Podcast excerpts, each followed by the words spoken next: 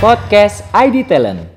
Halo, bertemu lagi bersama gua di sini dengan topik yang sama tentunya di episode ke berapa ya? Tiga apa empat ya sekarang ya? Oh ya episode 3, oke oke. Di episode 3 kali ini em, gua akan membahas tentang hal yang biasa teman-teman temui atau yang biasanya teman-teman itu masih bingung lah. Kenapa? Karena di sini teman-teman Cem pasti pernah membuat CV. Iya dong, apalagi yang mau kerja ya kan. Gimana caranya kalau mau kerja nggak buat CV kan? Kecuali kerja-kerja di tempat-tempat yang tidak membutuhkan CV ya kan.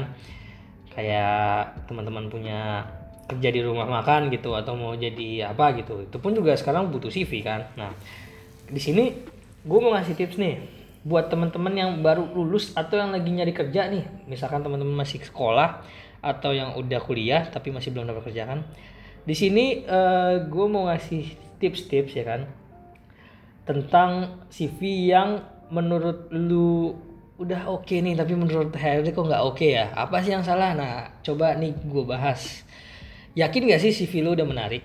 Yakin gak sih CV kalian ini ya teman-teman cem itu udah memenuhi standar dari CV yang istilahnya gini ada beberapa eh, teman-teman gua ya terutama anak-anak yang mau nyari kerjaan itu masih bingung apakah eh, gua mau menulis suatu CV itu cukup dengan satu lembar atau seperti orang-orang yang karena gini buat teman-teman cem yang belum tahu ya mungkin eh, teman-teman cem ini punya orang tua yang dulu pernah membuat CV nah itu beberapa teman-teman cem pasti membuat CV dengan tulisan seperti paragraf kayak daftar riwayat hidup tuh panjang bisa sampai dua atau tiga lembar. Nah kenapa sekarang banyak banget yang bikin CV cuma satu lembar? Itu inform eh, apa informatif ya kan?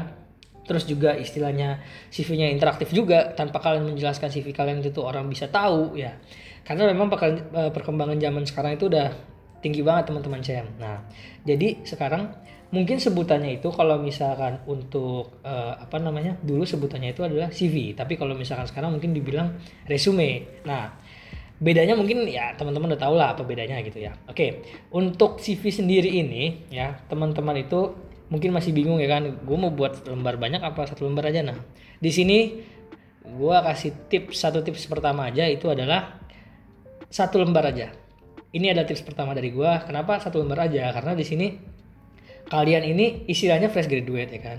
Pertama fresh graduate. Kedua eh, belum ada juga hal-hal yang banyak untuk ditulis di CV kalian. Itu yang paling penting. Jadi kenapa gue bilang satu lembar aja? Karena menurut gue satu lembar itu bisa menjelaskan apa aja yang bisa kalian tulis di situ. Ya itu. Oke yang pertama tulis data diri dengan lengkap secara singkat padat dan jelas. Itu yang paling pertama harus kalian tulis. Di satu lem- dari- di lembar pertama itu ya kan? Kalian mau naruh di kanan kayak di kiri atau di mana yang jelas itu jelas. Nama kalian alamat ya kan? Terus misalkan um, eh, tanggal lahir lah usia bebas itu yang jelas itu informasi pribadi yang harus kalian taruh pertama kali di CV kalian. Sudah pasti. Oke selanjutnya apa lagi nih ya kan? Nah yang harus kalian lihat juga nih kalau kalian mau masuk perusahaan-perusahaan tertentu itu ada eh, beberapa kualifikasi yang menyesuaikan. Contoh misalkan ya nih gua gua coba sebut eh, hal lain ya. Misalkan kalian mau ke perusahaan yang formal gitu. Istilahnya kalian datang aja pakai kemeja pakai dasi pakai celana bahan sepatu pantofel. Nah sesuaikanlah CV kalian dengan perusahaan tersebut. Misalkan CV-nya itu eh, formal berarti kalian coba tulis dengan gaya formal. Nah Contoh misalkan kalian mau bekerja di perusahaan startup atau perusahaan-perusahaan yang istilahnya tidak memerlukan s- apa suatu hal yang istilahnya bersifat resmi gitu. Kalian bisa membuat CV yang interaktif kayak misalkan ada semacam bubbles lah atau dibikin kayak rectangle, ada kotak apa segala macem. Karena kalian pun tahu perusahaan kalian ini bukan perusahaan yang mementingkan sebuah keresmian. Nah, seperti itu yang jelas semakin dia itu tidak mengikat kayak misalkan perusahaan-perusahaan startup atau apa kalian bisa bikin sekreatif mungkin karena yang dilihat oleh mereka adalah kreatifnya kreativitas kalian dalam membuat CV. Oke, selanjutnya tekankan skill dan pengalaman yang mendukung lamaran kerja. Contoh misalkan teman-teman itu belum punya pengalaman nih di bidang pekerjaan. Nah, teman-teman C misalkan pernah ikut organisasi atau kegiatan-kegiatan lain yang istilahnya menghasilkan suatu pengalaman buat diri kalian sendiri. Contoh misalkan pernah ikut eh, semacam volunteer di PON atau SEA Games gitu. Nah, itu kan lumayan. Atau misalkan teman-teman pernah ikut organisasi semacam OSIS atau MPK ya kan, teman-teman CEM bisa memasukkan itu di CV teman-teman. Skill teman-teman apa aja yang teman-teman itu pernah lakukan gitu ya. Istilahnya apa aja skill-skill yang pernah teman-teman tunjukkan dalam bekerja itu cocok banget ditaruh di CV teman-teman. Seperti itu. Oke.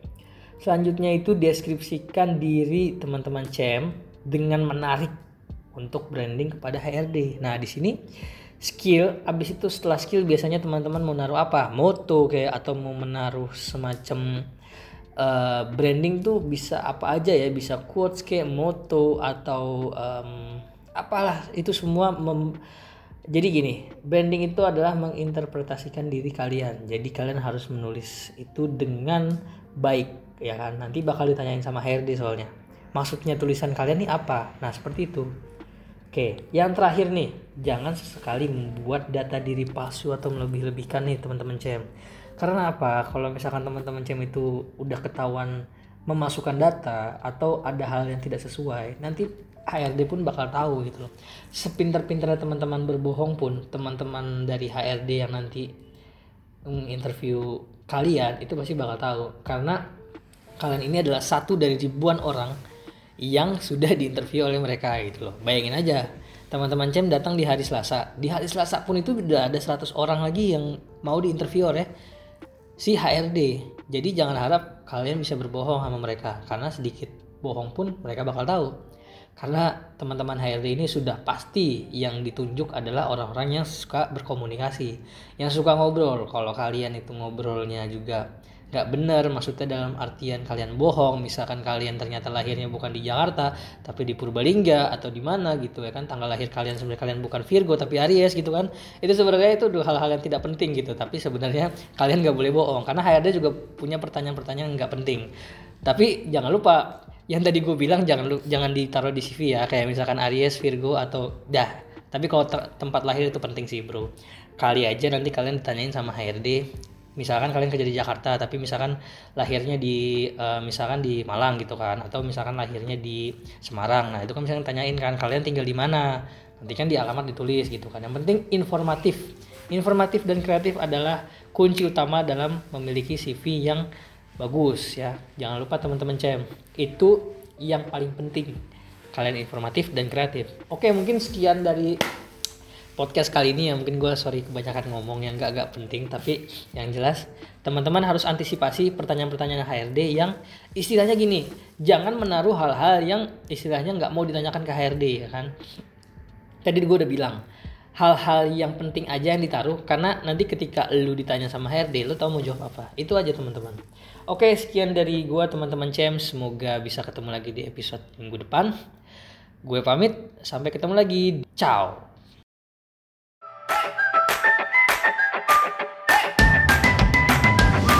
Podcast ID Talent. Podcast